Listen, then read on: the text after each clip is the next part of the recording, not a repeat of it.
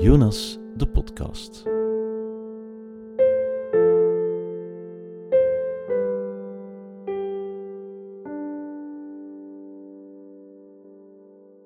Mocht ik één fundamentele beslissing mogen nemen in verband met complexe scheidingen, zou dat eigenlijk een wettelijke verplichting zijn om een ouderschapsplan op te stellen, ehm, zeker bij complexe en destructieve uh, scheidingen. In dat ouderschapsplan zou enerzijds het financiële luik moeten worden opgenomen, maar anderzijds, nog veel belangrijker, is uh, hoe de uh, relaties tussen beide ouders moeten verlopen en ook hoe de omgang met kinderen moet plaatsvinden. Dat vonnis heeft voor mij eigenlijk nooit een, gevoel van zekerheid en rust gegeven, omdat dat vonnis eerder een reden was om een andere rechtszaak um, te starten. En zo hebben mijn ouders eigenlijk 14 jaar lang niks anders gedaan dan in de, in de rechtbank gezeten en advocaten versleten. En ja, ik heb dus uh, niet zo'n goede ervaring met een vonnis of de rechtbank of advocaten. Je luistert naar Jonas, de podcast waarin we jongeren en ouders willen ondersteunen na een scheiding. Wij, dat zijn Vanessa en Sophie. Sophie is advocaat en familiaal bemiddelaar. En Vanessa is klinisch psycholoog en therapeut. We vroegen een aantal mensen naar het echte verhaal van hun scheiding of van de scheiding van hun ouders. En met deze ervaringen en verhalen trokken we naar een aantal experts in Vlaanderen en Nederland. Monique, we zijn hier in Rijmenam uh, aangekomen. Mhm. En ik, uh, we hebben hier gezien, uh, je hebt hier zowel uw praktijk als uw privéwoning. Uh, maar uiteraard willen we graag uh, hebben dat je je een keer voorstelt hè, aan de luisteraars. Wij weten al wie je bent. Uh, en ja, zeg maar, wie is Monique? Um, ik ben Monique van Eyck en ik ben um, gezinssociologe van basisopleiding. Um, en ik ben dan opgeleid geweest door Diana Evers, de, de dame die alles over bemiddeling wist destijds. en nog altijd, denk ik. En ik ben ondertussen 18 jaar bemiddelaar. Ja, ja. Ik ben getrouwd met mijn eerste lief. Nog altijd, sinds 84. Ik ben mama van uh, drie volwassen kinderen. En ik heb ondertussen uh, drie schatten van kleinkinderen. Ja, ja. Zeg, en ik wil u zeggen, ik ben ondertussen 18 jaar bemiddelaar. Ja. Amai. bemiddelaar in familiezaken. In familiezaken, ja. ja, ja. In een eigen praktijk. In een eigen, in een eigen praktijk, ja. Ik, ben, um, ik was in feite permanente ombuds in een hogeschool, waar dat er heel wat conflicten waren tussen uh, studenten, docenten. En daarom ben ik een bemiddelingsopleiding gaan volgen, om daar toch wel wat meer handvaten te krijgen. En dan um, heb ik de opleiding gekregen van Diana Evers. Kwam ik terug wat gezinssociologen tegen, Koen Matthijs en zo. En ja, na die opleiding zei Diana, maar Monique, je bent zo goed in familiale bemiddeling. Waarom maakte daar je ding gewoon niet van? Ja. En dan uh, ben ik gestopt in de hogeschool toen. En dan ben ik gewoon direct als zelfstandig bemiddelaar begonnen. Ja. Maar, want voor mij is dat wel 18 jaar. Dan denk ik, ik heb nog zo het gevoel, we moeten de bemiddeling op de kaart zetten. En ja. dat is hier aan het gaan. Ja chapeau, vind ik wel. Allee, ik wist denk ik niet toen dat bemiddeling al bestond. Al heeft toch niet in, in die mate dan dat je zegt, ik word zelfstandig en ik ga daar mijn beroep van maken. Maar dat, dat, was in feite ook toen niet in die mate. Um, ik had heel veel geluk dat ik uh, een man had die goed verdiende, waar dat kon op terugvallen.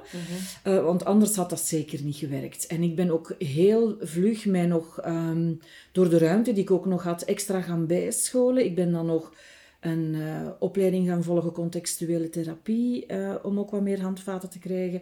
Ik ben dan een tweejarige opleiding gaan volgen uh, voor individuele begeleiding van kinderen, omdat ik ook heel snel door had dat ik ook kinderen wou betrekken in bemiddeling. Dus ik heb mijn, de, beginjaren, um, waar, waar dat bemiddeling inderdaad nog niet zo op de kaart stond, heb ik gebruikt om, om mezelf nog heel veel bij te scholen. En ja, zoals bij elk vrij beroep, denk ik, moet je eerst wel wat naam opbouwen, vooraleer dat je cliënten aan je deur krijgt. En dat is dan vrij snel gegaan. En dan krijg je mond-op-mond reclame en mensen die doorverwijzen. Ja. En dan is het heel snel gegaan, in feite. En ik heb dan ook, dat mag ik zeggen, ehm, Diana Evers beginnen assisteren aan de KU Leuven. Ehm, en dan is zij eh, daar vertrokken om haar eigen opleidingsinstituut begonnen. En dan heb ik en Christine Jacobs haar eh, vakken mogen overnemen. En ja, zo is dat ook. Dan ben ik in de opleiding terechtgekomen, Ja, in feite. ja. Ja. Dus je geeft op dit moment ook opleidingen rond bemiddeling. Ja, ik geef ehm, in feite sinds het begin bijna dan opleidingen aan de KU Leuven. En dan nu ben ik programmacoördinator en geef ik ook les in Thomas More aan een opleiding bemiddeling. Waar dat ik heel veel ruimte krijg om daar de beste opleiding Van van, te Vlaanderen maken. van te maken. En ik ook vind dat dat die is. Dus eh, ja. Maar amai, dus je ademt bijna bemiddeling als ik het zo hoor. Hè? Ja, ik is- vind dat wel... Ja, ik, ik, want dat is zo niet mijn beroep. Ik, ik ben dat ook wel zo. Wat Ja. dat soms zo een beetje in mijn nadeel speelt, omdat ik ze ook wel ehm, heel veel luister, waardoor ik denk niet altijd veel ruimte inneem, maar veel kan luisteren en ook geboeid ben door hoe dat mensen denken en daardoor ook niet direct standpunten innemen. Zo, ehm, en ja, ook ja, naar mijn kinderen toe. En ja, ik denk dat ik mensen heel veel ruimte geef. Zo. Dus Ja. ik, ik ben dat ook wel, denk ik, een stuk geworden. Zo. Ik ben Ja, niet- Het is niet dat ik een knop, een knop omdraai en dat ik zeg, nu Nee. ga ik bemiddelen. nee, nee. Zeg Monique, en ehm, bemiddelen is heel vaak scheidingen en moeilijke... de gewone scheidingen, maar ook de moeilijke scheidingen. Scheidingen is zo'n thema dat, waar dat iedereen wel eens mee te maken komt. Merkte dat je ook in je, in je privécontext vanuit je persoon hè, met die thema in aanraking komt? Of zijn, eh, allee, ik wil zeggen, ik wil u zeggen, ik ben zelf niet gescheiden. Ik krijg vaak de vraag van mensen, waarom boeit uw thema dat zo? Zeg jij zelf gescheiden? En dan denk ik, nee, ik ben geen kind van gescheiden ouders, ben ook zelf niet gescheiden. Nee. Ehm, voelde bij uzelf zo van, zijn er mensen in uw omgeving waarmee dat je zegt van, goh ja, ik heb wel een scheiding van dichtbij meegemaakt. Ik weet wel ook als mens wat dat, dat is en niet alleen als professional. Ehm, ik denk dat je gelukkig niet altijd in je privéleven hetzelfde moet meemaken als wat Dat je als professional meemaakt. Integendeel, want ik merk heel dikwijls ook in mijn opleidingen dat als mensen het zelf meegemaakt hebben, dat heel dikwijls eigen issues nog meespelen. Wat ik denk dat voor mij iets makkelijker is Mhm, om daar ehm, afstand van te nemen. Ik denk ook als je een goede bemiddelaar bent en oprecht als mens geïnteresseerd bent in wat, dat, wat dat mensen meemaken, dat je sowieso heel empathisch bent. En, Ja. heel- en het komt nu al, denk ik, zo heel erg binnen. ehm, het, eh, het verdriet dat je bij mensen ziet, eh, de woede. Ik denk dat ik daar vooral ook heb meegenomen zo van... ehm, ja, wat dat thema's kunnen zijn, wat dat moeilijk liggen in een relatie. En daardoor aan mijn eigen relatie daar soms wel wat meer aan werk. Waardoor het dan niet zou moeten gebeuren. Ja, ik hoop, ik hoop eerlijk gezegd dat ik het nooit moet meemaken. Want Ja. ja, ja ik zie heel veel verdriet bij mensen en Ja, kinderen daar. Dat vind ik heel herkenbaar. Ja, Ja. Ik heb ook al heel vaak thuisgekomen en gezegd van... eh, hoop dat we nooit op dat punt geraken. Ik geloof wel dat iedereen op dat punt kan geraken. Dat denk ik ook wel. En, Ja. en ik denk ook dat het heel moedig is. Hè. Pas Mhm. op, want ik, ik ben, dat, lijkt, dat is misschien gek voor een bemiddelaar. Ik hou in feite niet echt van conflicten. Misschien daarom dat ik ze ook zo graag voor andere mo- moment, elementen probeer op Mhm. te lossen. Maar ik hou zelf echt niet graag van conflict. Allee, ik hou echt niet van conflict. Ik ben echt een conflictmeider. En ik kan soms wel veel van mijn cliënten leren, zodat ik denk van, amai, die komen ze Ja. toch wel op voor zichzelf. En dat vind ik heel knap. En ik moet Ja. mensen daar ook soms in motiveren. Want zelf is dat niet direct mijn Nee. sterkste Ja. punt. Ja, oké. Ehm, ja, ik zit hier met twee bemiddelaars aan tafel vandaag, dus eh, het, is, het is voor mij een beetje ehm, nieuw. Misschien kort iets vertellen, zo bemiddeling. Wat trekt u daar zo in aan? Wat is zo voor u, als ik u zo zou vragen, een definitie van bemiddeling? Ja. Hè? Wat, wat is bemiddeling En in familiezaken? Ja, en hè? misschien direct daaraan gekoppeld ook van... eh, wat was dat voor u toen misschien? En is dat gegroeid doorheen dat jaar? Ik denk dat je zelf uiteraard als mens, als persoon ook wel groeit in wat dat je bent. Maar heb je dat ook anders aangepakt? Of dacht je misschien dat bemiddeling toen dat was en zie je het nu anders? Of, of in hoeverre dat dat eigenlijk eh, Ehm, veranderd is? Nu, ik ben blij dat je zegt familiezaken, want voor mij is dat toch nog iets meer dan alleen maar scheidingsproblematiek. hè. Het gaat ook over alle mogelijke familieruzies. Ehm, dus ik vind het ook wel fijn dat de scheidingen af en toe ehm, doorbroken worden door andere thema's. Ook met nieuw samengestelde gezinnen of eh, be- eh, conflicten tussen broer, zus of met erfenissen. Hè. Dus dat het ook wel ruimer is dan dat. Dat vind ik al Dat vind ik wel fijn Ja. op zich. Ah ja, oké. ja. Ja, hè, dus het, eh, het is wel wat ruimer. Ehm mag ook daar soms in de libellen stukjes over schrijven. Dus ik ben heel blij dat mensen dan ook wel een beetje een zicht krijgen zo van, over wat dat bemiddelingsthema's kunnen zijn. Is het gegroeid? Ehm, eh, ja, het is gegroeid zo. Ik, ik dacht in het begin van, oké, je moet hier mensen helpen om hun, ehm, hun problemen op te lossen. En ehm, vooral voor scheidende mensen om een goede overeenkomst te maken. Wat ik vlug heb geleerd, dat is dat ehm, toen ik die opleiding deed, was er heel weinig aandacht voor de kinderen. Mhm. Ehm, je moest vooral met ouders ehm goede overeenkomsten maken. Mm. Dat was zo de bedoeling. Eh, totdat ik een workshop mocht begeleiden voor een eh, secundaire school hier in de buurt. En dat thema was scheiden en pubers. Dat was voor 14 tot 16-jarigen die eh, allemaal mooie workshops mochten beleven die dag over eh, blinde geleide honden, gezonde voeding, hoe maquilleer ik mij, zo allemaal ook leuke dingen. Mm. En dat ik dacht, wie kiest er in godsnaam voor scheiden en pubers? En ik had hier toen thuis ook pubers rondlopen, dus ik had dat heel mooi voorbereid, zo van, wat zijn de rechten en de plichten van kinderen? Wat Ja. betekent dat als je ouders scheiden? En ik ben toen gewoon binnengekomen en ik heb aan die jongeren gevraagd, wat maakt dat je vandaag deze workshop kiest? Dit is mijn job, hè? dit ben ik, dat weet, dat ze dat wisten. En dat was het ene intrieste verhaal na het andere. Zo echt jongeren die de tijd aan het aftellen waren totdat ze 18 waren, om dan hun goesting te kunnen doen en om niet meer te moeten verhuizen en te blijven waar dat ze niet graag waren. En, en dan ben ik thuisgekomen en ik heb toen tegen mijn man gezegd, ik wil niet meer zo bemiddelen. Ik wil niet meer over de hoofden van die jongeren en die kinderen heen ehm, ja, beslissingen nemen, zonder dat die ook maar enige stem krijgen in het verhaal. En niet alleen geen stem krijgen omdat ouders dat niet willen, maar ook om, soms omdat ze ouders zelf ontzien. Dat ze geen ruzie wouden veroorzaken, dus ook niet zeggen waar dat ze mee zaten. En daardoor ben ik dan die tweejarige opleiding eh, gaan volgen over kinderen eh, begeleiden en zien. En, en sindsdien eh, nodig ik ouders die hier komen altijd uit of dat ik een gesprek mag hebben met hun kinderen, om te zien hoe het met hun kinderen gaat. En om te kijken wat hun kinderen nodig hebben eh, in heel het verhaal, om, om zich zo goed mogelijk te voelen in de toekomst en zich zo goed mogelijk eh, te blijven voelen bij beide ouders ook wel. Ja, zo, ja. ehm, Ah ja, dus eh, uw bemiddelingen zijn dan in die mate veranderd dat je vroeger alleen met de ouders Ja. werkte rond die overeenkomsten en dat je zegt, sinds de, sindsdien vraag ik altijd, mag ik ook uw kinderen Ja. horen en dat dan inbrengen in de bemiddelingsgesprekken? Ja, Amai, want bijvoorbeeld de boeiend. familierechter, Ja. die zei tegen ons, ja, we gaan ze ook nooit horen als ze een overeenkomst hebben. Of als dat, Ja. Maar dat doe jij dan wel. Ook Ja. als je zegt van, oh, ja. En zit daar een leeftijd op bij jou, dat je zegt van... eh, Ik, ik doe dat vanaf eh 6, 7 jaar. Ja. Het is ook een beetje afhankelijk van het ontwikkelingsniveau van het kind. Hè, want soms zijn ze ook jonger. ja. Ja. Eh, zijn het zo wat kleuters ook zo. Eh, je moet wel je, je, je, eh, je methoden aanpassen om natuurlijk met kinderen te spreken. Hè. Je, moet met, allee, met, je ziet hier staan, hè, drie huisjes maken, Ja. Duplo-popjes. Ja. dus ik werk met heel wat materiaal om contact te hebben met de kinderen. Ehm, ik vind ook altijd, ehm, als er een overeenkomst is, en zoals dat de rechter zegt, of, eh, of wanneer ouders dat zeggen, ehm, ja, ik geloof niet dat, dat kinderen heel dikwijls laten zien waar dat ze echt mee zitten. En je hebt dan dikwijls het probleem dat kinderen die het minst laten zien, soms wel met het meest zitten. Het zijn Ja. niet de grootste roepers waar dat meest problemen mee zijn. Integendeel, dat zijn dan dikwijls kinderen Mm. die durven voor zichzelf opkomen en zeggen wat er aan de hand is. Ehm, dus soms zeggen ouders van, ja, rond die maak ik me zorgen, want oh, die is niet oké.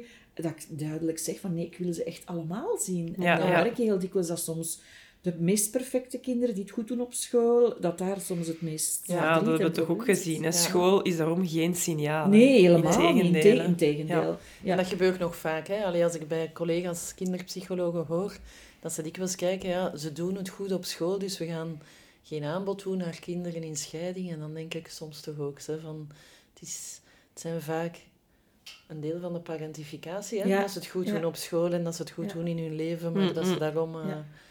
Niet helemaal gelukkig zijn met de situatie waarin dat ze opgroeien. Nee. Dat is, eh, Maar to- toen was dat inderdaad, toen dat ik daarmee startte, was dat echt zoiets van, dat is not done. Nee, jawel, ik kan me dat Oeh, voorstellen. Dat was, dat was echt zo ook. Er was, eh, er was een opleidingsinstituut, ehm, ik ga nu niet zeggen welke, Nee. maakt het niet uit, die echt vonden van, je, je zet de ouders daardoor niet in hun kracht. Ouders weten best van hun kinderen. ehm, eh, wat dat ze nodig hebben. Je moet je daar niet mee lastigvallen, de Voilà, kinderen. de kinderen dan niet meer Kinderen niet lastig belasten. Oeh, en hoe gaat je als bemiddelaar onpartijdig blijven als die kinderen dingen zeggen die niet oké, of die aansluiten meer bij de ene of bij de andere ouder. Allee, er waren wel duizend en één argumenten Mm. om het niet te doen.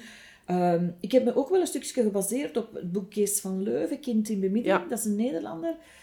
Ehm, waar ik toch ook wel wat inspiratie heb uh, Verbaast mij niet bij de Nederlanders soms ja, een keer. hè. wat Ja. meer kinderen inderdaad nog wat centraal stellen. Ja. Maar ik heb het dan toch maar gedaan en voor mij is dat een enorme meerwaarde gebleken. Ehm, en ik krijg nu ook wel, door dat dat ook op mijn website staat, dan krijg ik natuurlijk ook wel de ouders, denk ik, eh, die dat ook wel wensen. Zo. Ja, krijg toch ook heel wat, wat ouders die echt zeggen van, ja, we willen toch dat ons kinderen... ze willen toch Ja, het beste voor ja, kinderen. ja. En ja, dat is ook wel dat je dan inderdaad of navraagt van... Het moet ook niet, niet belastend zijn, hè, in die zin van eigenlijk informeren. Dat is eigenlijk ook al Mhm. Een gesprek aangaan met de kind. Hè, om te zeggen van, weet je wat er gebeurt en dergelijke. Dat, dat dat vaak ook achteraf gebleken is, als ze niet betrokken zijn geweest, van oei, hè, de manier waarop het eigenlijk is aangekondigd, dat dat soms nog een, een issue is dat later dan boven komt, hè, als ze nooit betrokken zijn geweest. Ik was ehm, wel een beetje op de hoogte van zo de, de rechtszaken of, of ehm, de bemiddelingen. Maar dat ging meer over financiële zaken. Ehm, ja, helaas krijg je dan ook vaak twee verhalen te horen hè, van, van beide ouders. Waardoor je daar nog meer tussenin komt te zitten, vind ik. Wat echt een heel lastige positie is. En onlangs heb ik ook nog tegen mijn beide ouders gezegd dat ik er eigenlijk niet meer ehm, bij betrokken wil worden of, of niks meer over wil horen, omdat dat voor mezelf te belastend is in mijn eigen proces. Als ik echt, echt nog iets mag meegeven, dan denk ik echt dat het is van. Dat dit echt moet stoppen. Dat het, het taboe rond. ehm, dat er echt mag over gepraat worden, over alles en nog wat. En het is oké. Het is echt oké om niet oké te zijn. En het is echt ook oké om, om hulp te aanvaarden. Of om te zeggen dat je erdoor zit. Of, of ja, echt.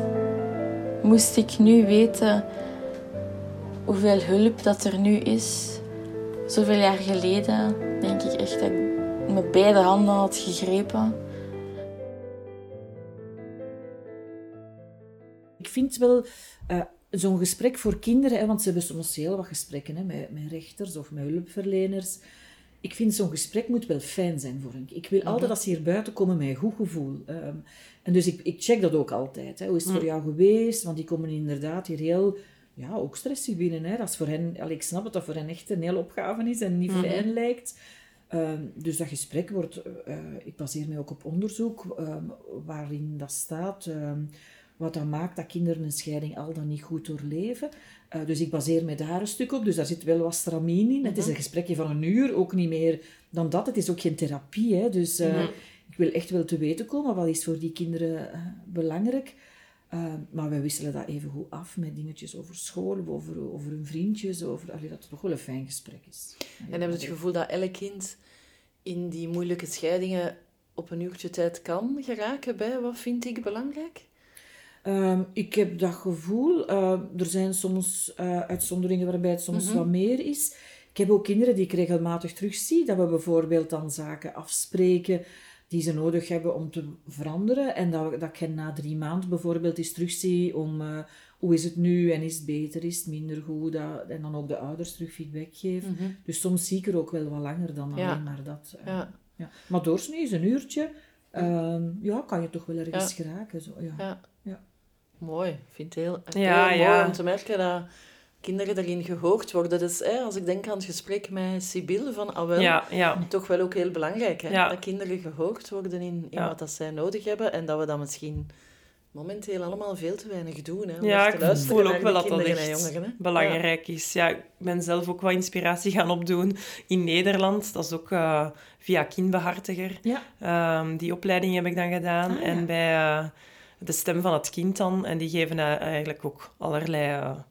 ja, materialen en, en mogelijkheden of voor de kindgesprekken eigenlijk aan, allee, op gang te brengen en, en zo aangenaam mogelijk in beweging en dergelijke wat dan nodig is. En allee, wel heel interessant. Ik ben wel benieuwd, Monique, hoe breng je dat dan terug naar de ouders? Hè, zo, en wat spreekt je daar dan met de kinderen rond af? Zo van, hoe, hoe, hoe gebeurt dat dan, wat dat zij Hmm. zeggen? Een heel goede vraag. Hè. Dat is niet zoiets dat je zomaar doet. Eh, ik spreek met de kinderen af dat wat dat ze komen zeggen, dat dat eh, iets... Allee, dat ik het belangrijk vind dat ik echt weet wat er op hun hartje zit. Hè, dat ze alles kunnen zeggen. En daar wordt dan op het einde ook besproken van... ehm, wat kan ik teruggeven aan mama en papa? Als ze dan bijvoorbeeld aangeven van niks of liever dan niet, dan wordt met hen echt wel bekeken hoe dat, dat komt. Ehm, en dan is dat iets dat teruggegeven wordt aan de Ja, ouders. Dat ja. kinderen zich niet veilig genoeg voelen om aan te geven van waar dat ze mee zitten. Ehm, dus dat wordt met het kind wel echt heel goed Ja. besproken. Hoe geef ik dat terug aan ouders? Alles behalve beschuldigend, zou ik Ja, zeggen. ja. Ehm, ik geef het mee als iets wat dat ik van hun kinderen heb gehoord. Niet als iets dat het de waarheid is. Dat is Mhm. hoe dat hun kinderen dat meegeven en beleven. Mhm.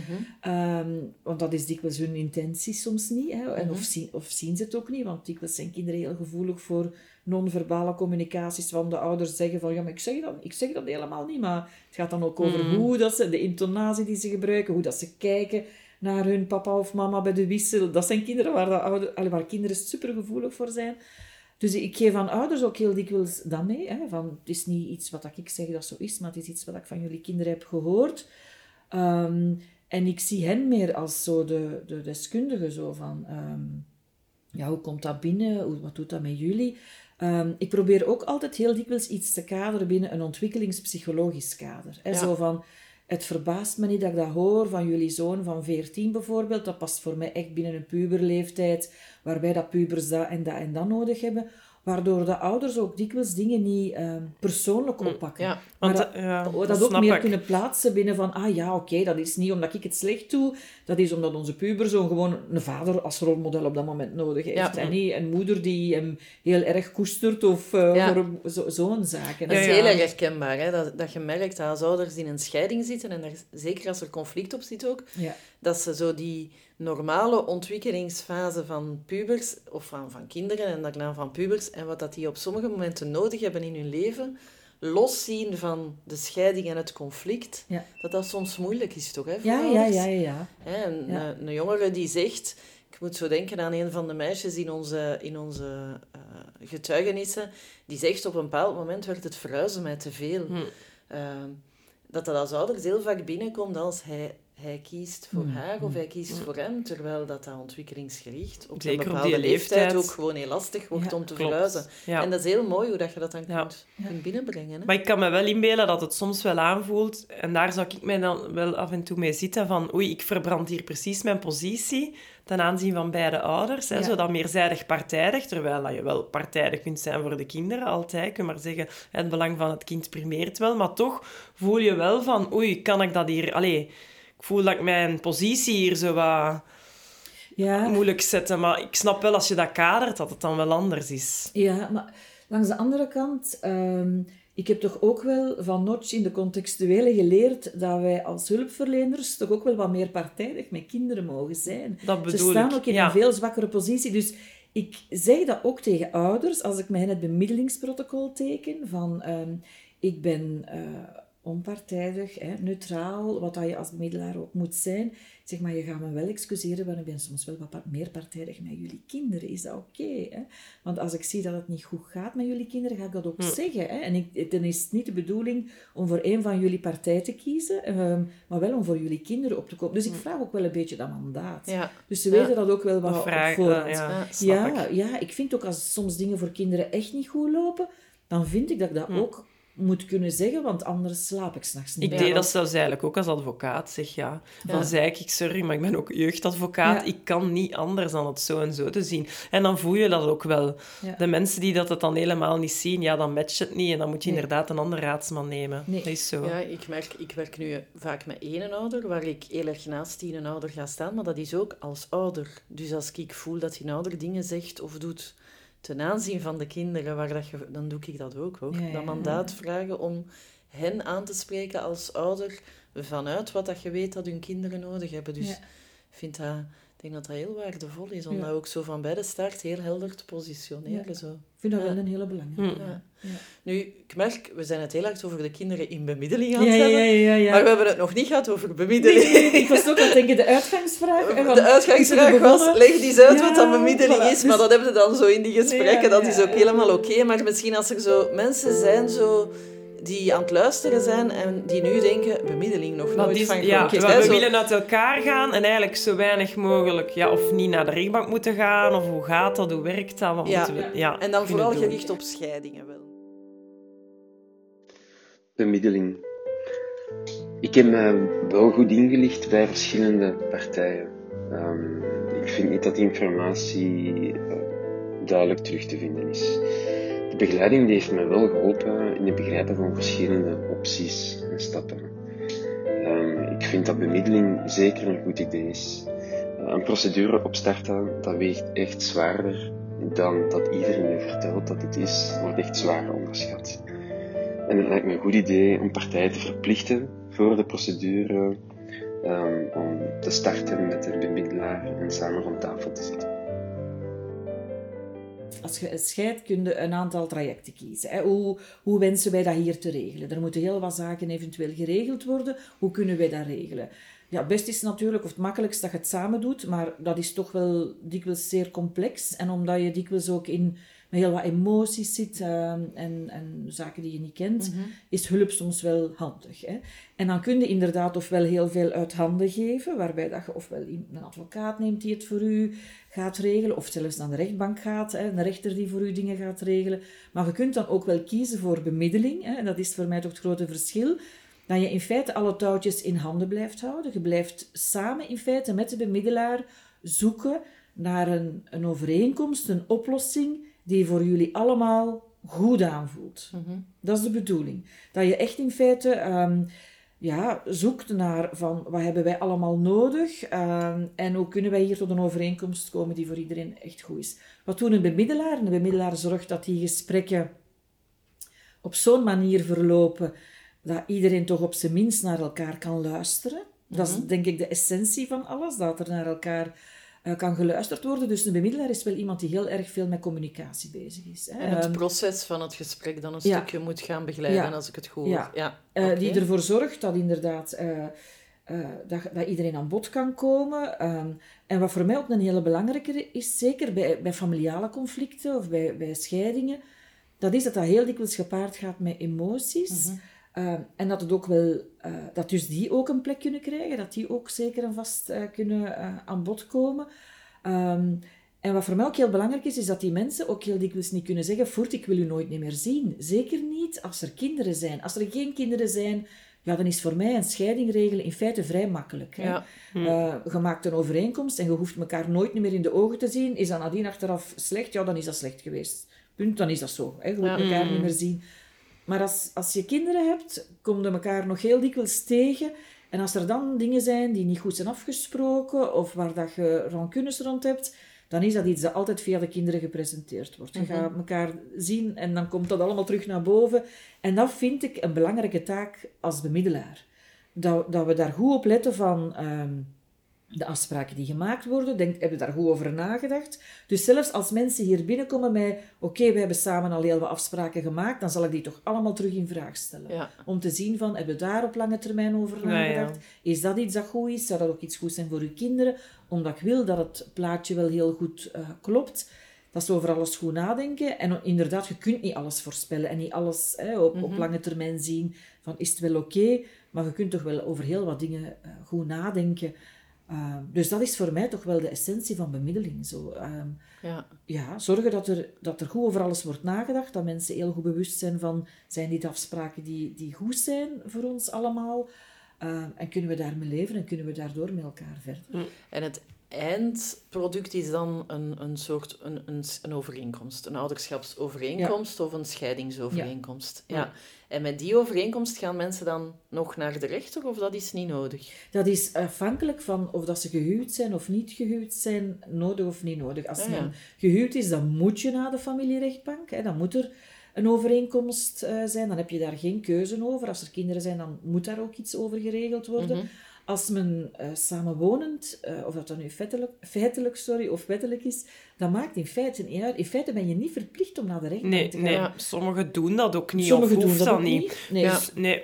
Dus nee. ja, het voordeel is inderdaad ook hè, dat je dan nadien ook nog, als er een aanpassing nodig is, hè, um, moet je eigenlijk... Allee, je hebt je vonnis wel, allee, als je dat dan al dan niet hebt, ja, dat is wel een voordeel. Als er dan geen vonnis is, kan je het eigenlijk aanpassen en op die manier. Maar het is een beetje de mensen zelf, hè, hoe, allee, of dat ze er naar vragen of... Ja, wat is ik weet niet wat de ervaring uh, is. Want je kan het inderdaad wel laten uh, homologeren ja. door de rechter. Hè? Ja. Dus je kan inderdaad wel, als je uh, niet gehuurd bent of samenwonend, kan je nog altijd een ouderschapsovereenkomst maken voor de kinderen waarmee dat je mee naar, naar, naar de rechtbank gaat en zegt, we zijn niet overeengekomen en kan je dit bekrachtigen. Het voordeel is dat dat tussen aanhalingstekens afdwingbaar is. Hè? Ja. Als, als er zaken ja. dan niet worden, als er nadien uh, conflicten zijn, er worden zaken niet opgevolgd, uh, maar vooral ook uh, rond um, de kostenregeling. Mm -hmm. hè? Als bijvoorbeeld iemand de alimentatie mm. niet betaalt, uh, ja, dan kan je daarmee naar de HAVO gaan, hè, naar een mm -hmm. overheidsorganisatie, om te zorgen dat je toch maandelijks aan uh, je centen krijgt. Mm -hmm. um, het en dat kan alleen dat... als het gehomologeerd ja, is door een ja.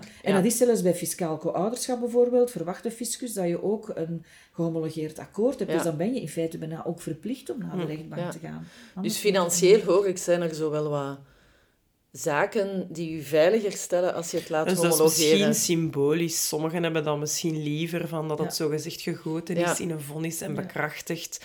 Maar die juridische afdwingbaarheid, je kunt daar vraagtekens bij zetten.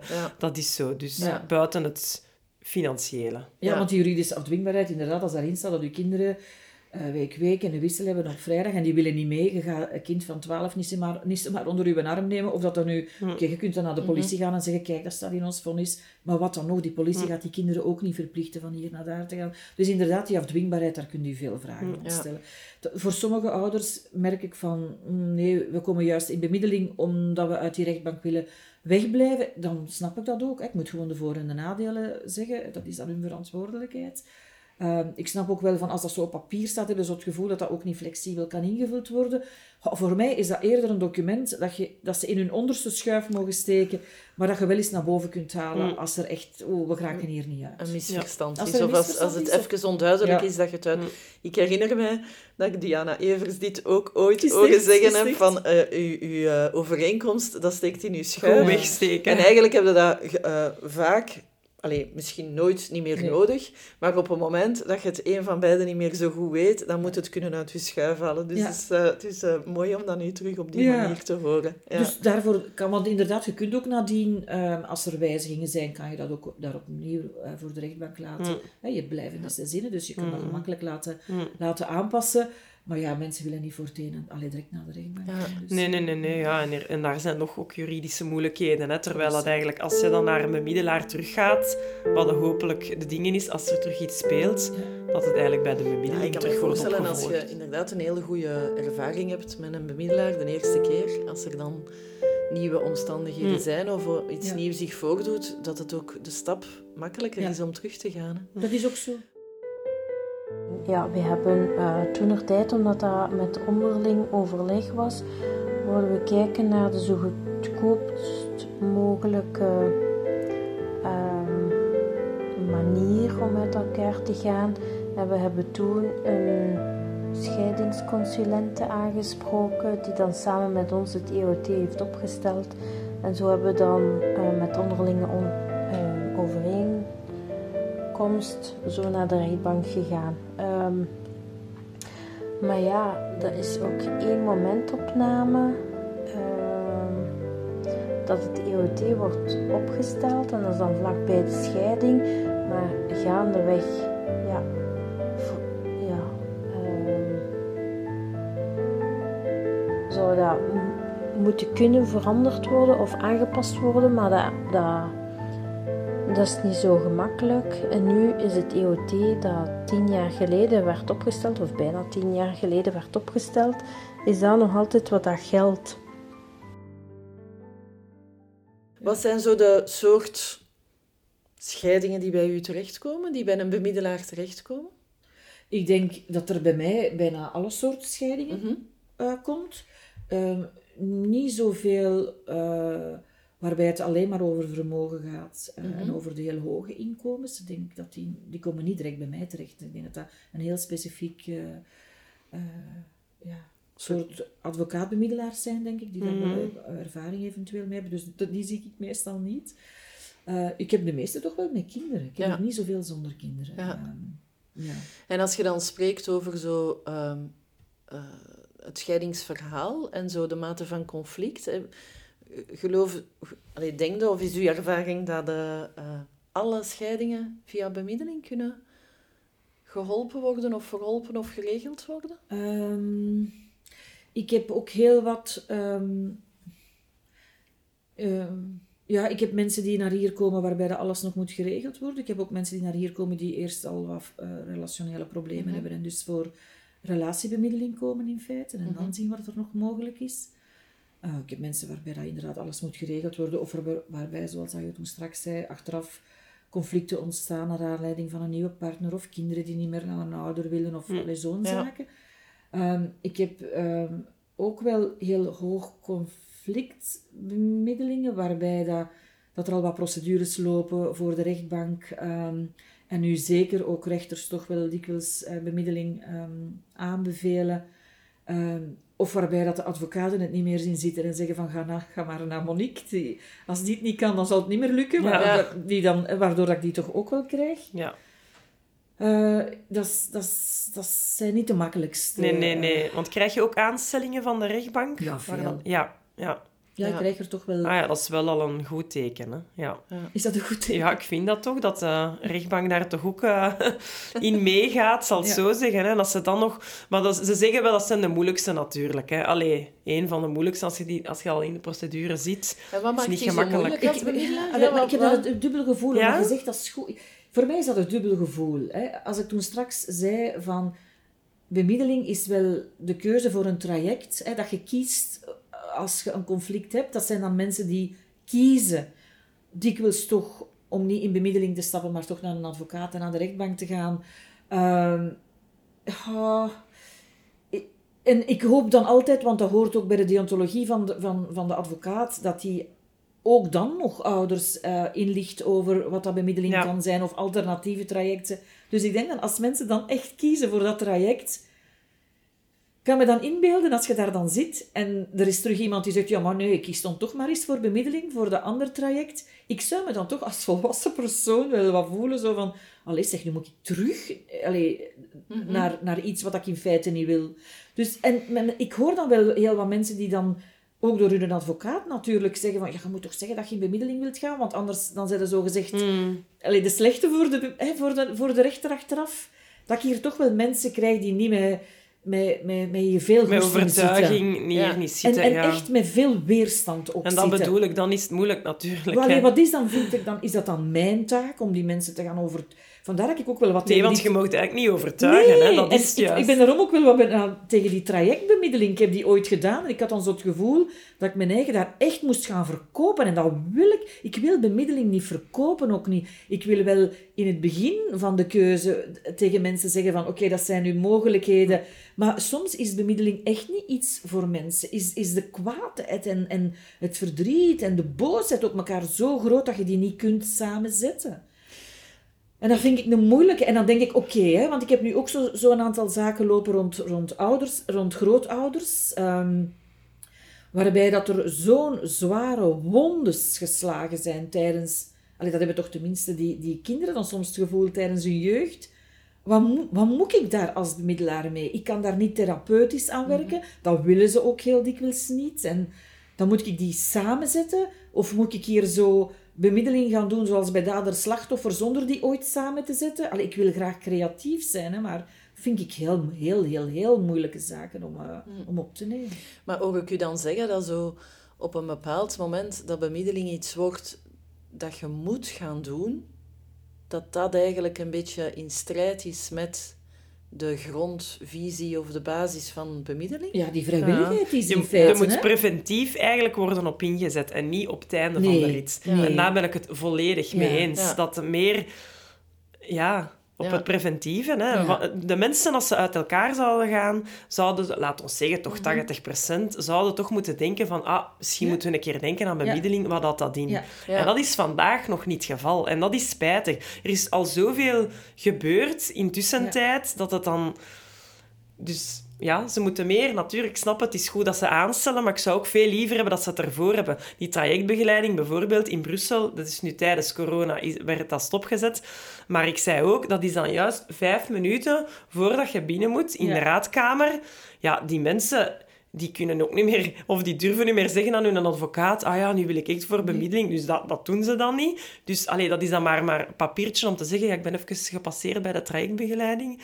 Uh, dus ze zijn er nu wel over aan het nadenken hoe dat te doen. Preventief, meer bijvoorbeeld voor dat er een zitting is. Hè, voordat ze eigenlijk... eh, dus ja, om na te denken van... Ik vraag mij ook af of dat zo...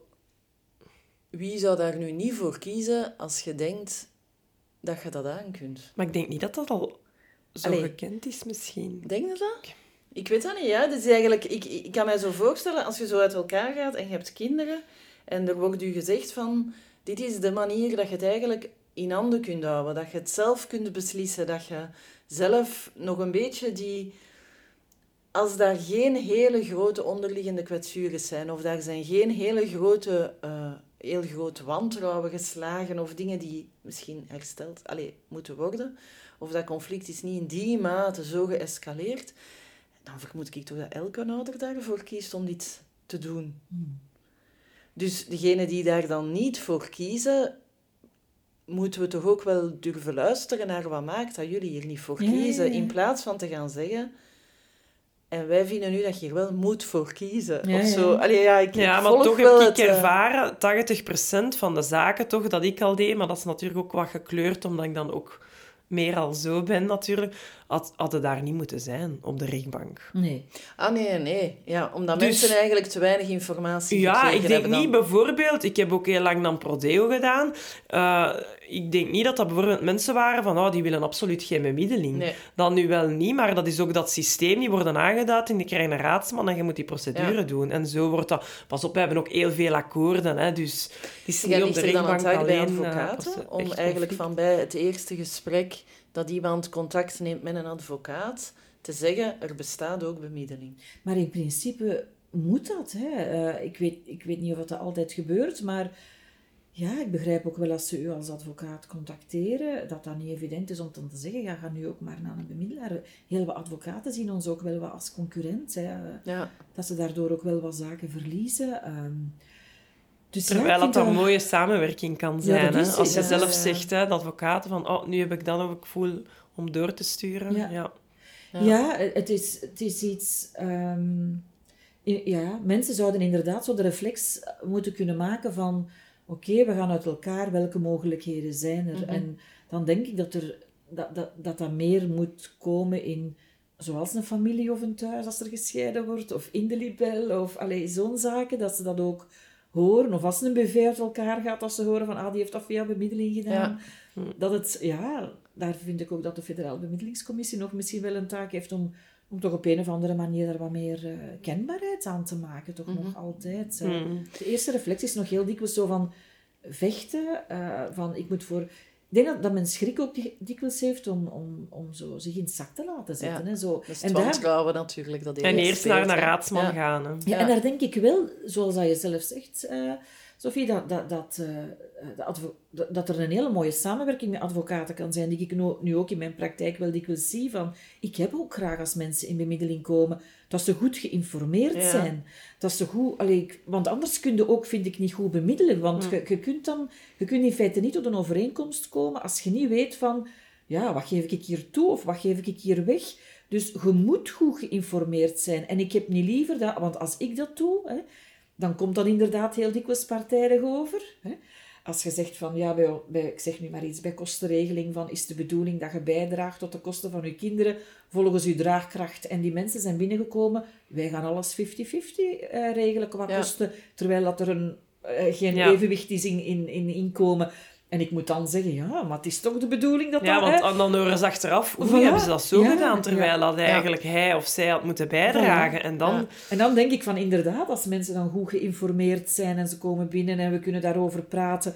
Dus ik denk dat dat een grote meerwaarde kan zijn. En als je dan een advocaat hebt die ook wel de bemiddeling stimuleert, van oké, maar het is toch belangrijk dat je tot een akkoord komt en dat je verder kunt. En dat is wel heel belangrijk. Dan gaat je eigenlijk vooral de advocaat in een soort informerende, adviserende rol Ja, zetten. Hè? Die ja. zegt van, Ja. kijk, dit zijn eigenlijk uw rechten en uw plichten en dit is wat dat gangbaar is. En met wat dat je nu weet, ga naar een bemiddelaar. Ja. Ja, maar dat is ook- mooi als je dat zou kunnen verkrijgen. Dat zou wel een hele mooie... En, en ook ondersteunen tijdens het proces. eh, om, om iemand die dan toch ook wel wat, waar dat ze hun verhaal kunnen doen, van hoe dat in de bemiddeling is gelopen, dat het, of van dat ze toch wel wat nog, ja, die, die hun kan ondersteunen. Ik heb soms de advocaten meekomen, ehm, wat dat een ongelofelijke meerwaarde soms Ja. is, die hun cliënten echt kunnen mee ondersteunen in, in dat proces. Jonas, de podcast.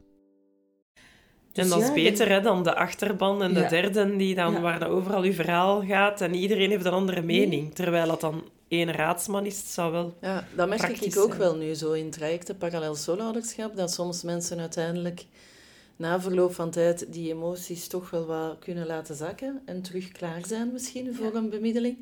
Maar dat wij dan blijven die ouder ondersteunen. Dus dat die dan naar Ja. de bemiddelaar gaan. Ja. Daar gebeurt van alles, ze voelen daar van alles bij, ze twijfelen, ze worden geraakt in van alles. En dat die dan zo bij mij, bij mij of een van mijn collega's dan een beetje komt checken van... Ja, Ja, hoe reageer ik hier Hm. nu best op? Ja. Ehm, of hoe ga ik hier nu best mee om? Om Hm. dat dan terug mee te pakken naar Ja. de bemiddelaars zijn heel toffe samenwerking. Ja. Als je dat op die manier Ja, dus ik vind dat er inderdaad wel... eh, ja, dat een bemiddelaar veel heeft aan samenwerking met advocaten, met, hè, met mensen zoals dat jullie, eh, eh, ouders ondersteunen, zelfs, of, of, of ook eh, therapeuten en Ja. zo bijvoorbeeld. Ja. hè. Dus, Ja. eh, maar ja, ik ben het dus wel met jullie eens van eh, hoe vroeger dat je, dat je mensen eh, kan laten kennismaken met bemiddeling, hoe beter Ja. hoe later, eh, als er al een, een rechtbank en zo is bij betrokken, hoe moeilijker. Om, omdat ook heel veel wonden worden geslagen in de rechtbank. Ja. De taal die daar wordt gebruikt, je wordt, dat is de tegenpartij. Eh, de, en de, za- plichten. de rechten en plichten, de zaken die worden eh, gezegd over de anderen om toch maar uw eigen gelijk te halen, Ja. maken zoveel kapot. En als we dat dan als bemiddelaar nog moeten gaan herstellen, dat is niet vanzelfsprekend. nee, nee, nee. Ja, die taal inderdaad, ik ben er ook altijd zo gevoelig aan dat je Ja. moet schrijven van de tegenpartij heeft dit of dan, denk ik. Dat is echt niet oké, dat is de moeder van, u, van jullie kinderen. Dus dat is zo... Ja, Ja, ja. alleen die, die taal, hè, dat is zo... Ik denk dat we daar ook cliënten hadden die zeiden, ik hoef de conclusies eigenlijk niet meer te lezen. En dat ik Mm. het dan gewoon zo overliep in mijn taal dan, en wat dat er praktisch is en dat veel beter is. Dus Mm. zegt genoeg natuurlijk. Hoe verloopt het proces, het bemiddelingsproces? Mensen zijn dan bij u, ze zijn dan verwezen. hè. Ik hoorde nu daar juist iets zeggen van een bemiddelingsprotocol Ja. Ja, ondertekenen. en ik denk ook zo dat veel mensen geïnteresseerd zijn hoeveel sessies zijn dan nu. Ik, ik kan me ook inbeelden dat het is van, ah, ik wil een, ja, we hebben een oplossing en dat eh, één, twee keer en dat is goed. Heb jij daar vast stramien in of hoe, Nee. hoe pak jij dat aan? Ehm, ik, ik vind bemiddeling is maatwerk. Je werkt op maat van wat je cliënten nodig hebben. Dus va- vast stramien. Ehm, als bemiddelaars worden opgeleid, die worden wel opgeleid met een vast stramien. Hè. Dat betekent dat je, je hebt een intake waarbij dat mensen een verhaal ehm, moeten kunnen doen van wat er in het verleden gebeurd is, waar dat ze mee zitten. En dan wordt er inderdaad samen zo een eh, protocol ondertekend. Eh, dat is ook bij wet verplicht, omdat mensen ook wel moeten weten wat dat bemiddeling juist is en waar dat ze instappen. En daar staat in dat bevo- bijvoorbeeld de bemiddelaar eh, onpartijdig, neutraal, eh, onafhankelijk moet zijn. Dus dat betekent dat hij geen ehm, eh, bijvoorbeeld informatie geeft aan derden, eh, dat daar ook geheimhouding is. Hè, dat, dat, dat ook als alles wat binnen bemiddeling nieuw wordt gezegd, dat dat niet in procedures kan worden gebruikt. Wat dat heel belangrijk is, omdat mensen echt het gevoel moeten kunnen hebben om heel vrijuit te kunnen spreken. Dat wat dat ze daar zeggen, dat dat niet tegen hen kan misbruikt en gebruikt worden. Want anders gaan mensen heel erg, zeker als er al procedures lopen, heel erg voorzichtig zijn met wat er allemaal wordt gezegd. Mhm. Daar staan ook eh, de tarieven in. Daar staat ook in dat ieder dat vrijwillig is. Dat je dus altijd recht hebt om te zeggen, ik stop met de bemiddeling. Dat dat zelfs niet wordt meegedeeld waarom dat, dat zo is, of wie dat er gestopt eh, is. Maar ook de bemiddelaar kan, kan Ja. de bemiddeling stopzetten. Hè. Als die vindt van, er wordt hier zo eh, negatief omgegaan met elkaar, daar is hier niks constructiefs, dan kan een bemiddelaar ook zeggen van, ja nee, of daar wordt hier gewoon voor bemiddeling gekozen om de procedure te rekken bijvoorbeeld, dan kan een bemiddelaar ook de bemiddeling stopzetten. Daar staan ook de tarieven in, dus dat is een beetje een bemiddelingsprotocol. En daar moet ook in staan over wat het in de bemiddeling gaat gaan. Hm. Ja. Ja. daar moet al, dat is als het minste wat er moet eh, een overeenkomst over zijn, dat is over wat gaan we het hier hebben. En daardoor wordt er soms al een bemiddeling niet opgestart, Ja. gestart, hè? omdat de ene het over zaken wil hebben, waardoor dat de andere het helemaal Ja. niet wil over hebben. Dus dat is het begin. Ah, ja. En dan, als je een thema hebt, wordt er door een bemiddelaar gekeken naar wat is voor deze mensen belangrijk bij dit thema. En dat is voor mij een heel groot verschil met onderhandelen. Ehm, je gaat niet in standpunten denken. Je gaat niet zeggen van, jij wilt eh, een eh, weekendregeling en jij wilt een week-week. Oké, waar vinden we elkaar daartussenin in? Dan wordt het dan een 9-5 of een 10-4. Ja. Zo werkt bemiddeling niet. Je gaat niet onderhandelen over iets. Je gaat in feite vooral dan kijken van, oké, we gaan het hier hebben over een verblijfsregeling. Wat is daar voor u belangrijk bij? Wilt je bijvoorbeeld veel contact met de kinderen? Wilt je betrokken blijven in hun leven van school? En dan wordt er gekeken welke regeling zou dan het best zijn voor jullie en voor jullie kinderen. Dus daar wordt toch wel op een ander niveau gepraat. De Ja. bedoeling is echt om te kijken van wat hebben deze mensen nodig? Wat speelt er? Want daar zijn emoties dikwijls, terwijl dat sommigen dat niet graag zien. Voor ons zijn emoties dan een cadeautje, omdat hoe heviger dat mensen zijn, hoe meer dat je op een thema komt van, ja. "Ah, dat is voor Hm. u toch wel iets heel belangrijk. En wat Ja. maakt dat dat voor u zo belangrijk is? En als mensen dat van elkaar kunnen horen, dan krijg je dikwijls nog verbinding. Terwijl als mensen echt in hun standpunt blijven staan, dan krijg je meer conflict. Ja. Uh, dus dat is voor mij toch ook wel heel belangrijk. En dus bemiddeling werkt wel in het begin wel met dat verleden om te zien van wat heb je nodig naar de toekomst toe. Ja. Dus het is ook wel heel belangrijk dat we toch wel vlug uh, die omswitch maken, denk ik, naar van wat heb je nodig naar de toekomst toe om verder met elkaar om te kunnen. Uh, en dan wordt er een overeenkomst uh, opgeschreven die uh, dan eerst wordt neergeschreven, dan wordt dan ook door hun eens gelezen en dan ja, is de Ja. bedoeling dat dat wordt ondertekend. Uh, en dan wordt dat geheim ook opgeheven in feite, als dat ondertekend wordt, dat dat de bedoeling is van dat wordt hier een overeenkomst tussen ons twee, waar dat anderen en wij ons naar gaan houden. Ja. Dat is een beetje de... De, De, ge- de gesprekken die met de ouders gebeuren, gebeuren altijd samen of kan dat ook apart? Dat, dat gebeurt... Ja, ik, ik vind in familiale bemiddeling, dat is misschien een heel belangrijke, om terug op de vraag ook te komen van wat is bemiddeling juist. Ik vind voor mij bemiddelen ook niet alleen overeenkomsten maken. Hè. Ik vind zeker ook als er kinderen zijn, ehm, werk je ook in feite aan die transitie tussen ex-partners, hoe dat die als ouders gaan omgaan. Dus, en dan kan je voor mij toch vooral als mensen samen zitten. Hè. Ja. Als mensen zeggen van die luistert nooit of ik kan mijn gedacht niet zeggen, dan gaan we daar moeten aan werken. Want het is wel de bedoeling dat als er ooit later eh, nog problemen ontstaan of discussies staan rond schoolkeuze of een hobby, dat mensen leren van met elkaar te communiceren Ja. op een manier die ze alle twee oké vinden. En als je dan blijft met elkaar apart werken, dan is dat voor mij wel moeilijker. Ja. Maar het gebeurt wel. Maar het gebeurt uitzonderlijk. Oké. Hè, eh, want ik vind ook als bemiddelaar, wat, wat, het- wat dat mensen dan soms wel willen... eh, ik vraag dan ook heel dikwijls, wat is de bedoeling dat je een apart gesprek Ja. wenst? Hè? En dat kan dan zijn omdat ze zich niet veilig genoeg voelen, of omdat ze dingen willen zeggen die ze anders niet kunnen zeggen. Maar wat doet je daar dan mee als bemiddelaar? Ja. Dat is heel moeilijk om voor jezelf dan om heel onpartijdig te blijven, want je krijgt dan informatie waarvan dat je denkt, oh, dat is echt niet oké voor deze mensen. Uh, of, of ze willen u, u, aan, u aan hun kant. En ja, wat doe je daar dan allemaal mee? Dus ik vind dat niet evident om met zo'n apart Nee. gesprek Ja. te werken. Dus bij mij is dat eerder echt uitzonderlijk. En soms dan achteraf een reden om te zeggen, ik stop de bemiddeling. Ja. Als iemand zich bijvoorbeeld niet veilig genoeg voelt om, om zaken te zeggen, dat die achteraf daar wordt op afgerekend, dan denk ik, ja, dan is bemiddeling echt niks voor jullie. Uh, want je moet daar wel ja, tenminste kunnen zeggen wat dat je ziet. Hmm. Kunnen er dingen veranderen? Ik denk het wel. Zeker en vast vanuit de maatschappij uit, dan van hoger hand of zo, vanuit de overheid. Ja, zeker niet in justitie. Daar, eh, ja, dat is uh, weinig tactvol. En Zeker ook omdat in een maatschappij moet alles heel snel gaan. Er wordt niet echt geluisterd. Je hebt ja, amper iets te zeggen. En dan worden er zomaar over je hoofd beslissingen gemaakt. En uh, ja, wel wat rap gaan. Hè. En dan worden er soms beslissingen gemaakt waarvan de Peter zegt van... Ja, in godsnaam. Zijn er tegenindicaties voor bemiddeling volgens u? Ik vind onveiligheid. Mm ja, als, bij een van ouders. Bij een van de ouders, ook van de kinderen. Ja. Als kinderen zich onveilig voelen. En is het daarom dat je dat dan aftoetst bij de kinderen? Van, kijk, ik wil de kinderen ook horen. Allee, waarom? Eén van de Ja. redenen dat je dan eigenlijk ze altijd bij betrekt. Want Ja. anders, hoe weet je dat? Het is moeilijker Ja. dan, hè? Ja. Ja. nee, als kinderen zich inderdaad niet veilig voelen om te praten, eh, is dat voor mij ook, of om zich onveilig voelen in een thuissituatie, is dat wel belangrijke informatie waar je iets mee moet doen. En ja, dat je eventueel meldingsplicht ook hebt, als het echt heel Mm. extreem is, als het niet Ja. oké is. Zeg, en onveiligheid bij een van de ouders. ehm, ja, ik, heb- ik, ik, ik zit natuurlijk... Ik ben soms een beetje gebiased, omdat ik vooral heel complexe scheidingssituaties zie, hè, zo aan het, eh, eh, aan, het, aan het einde van het continuum.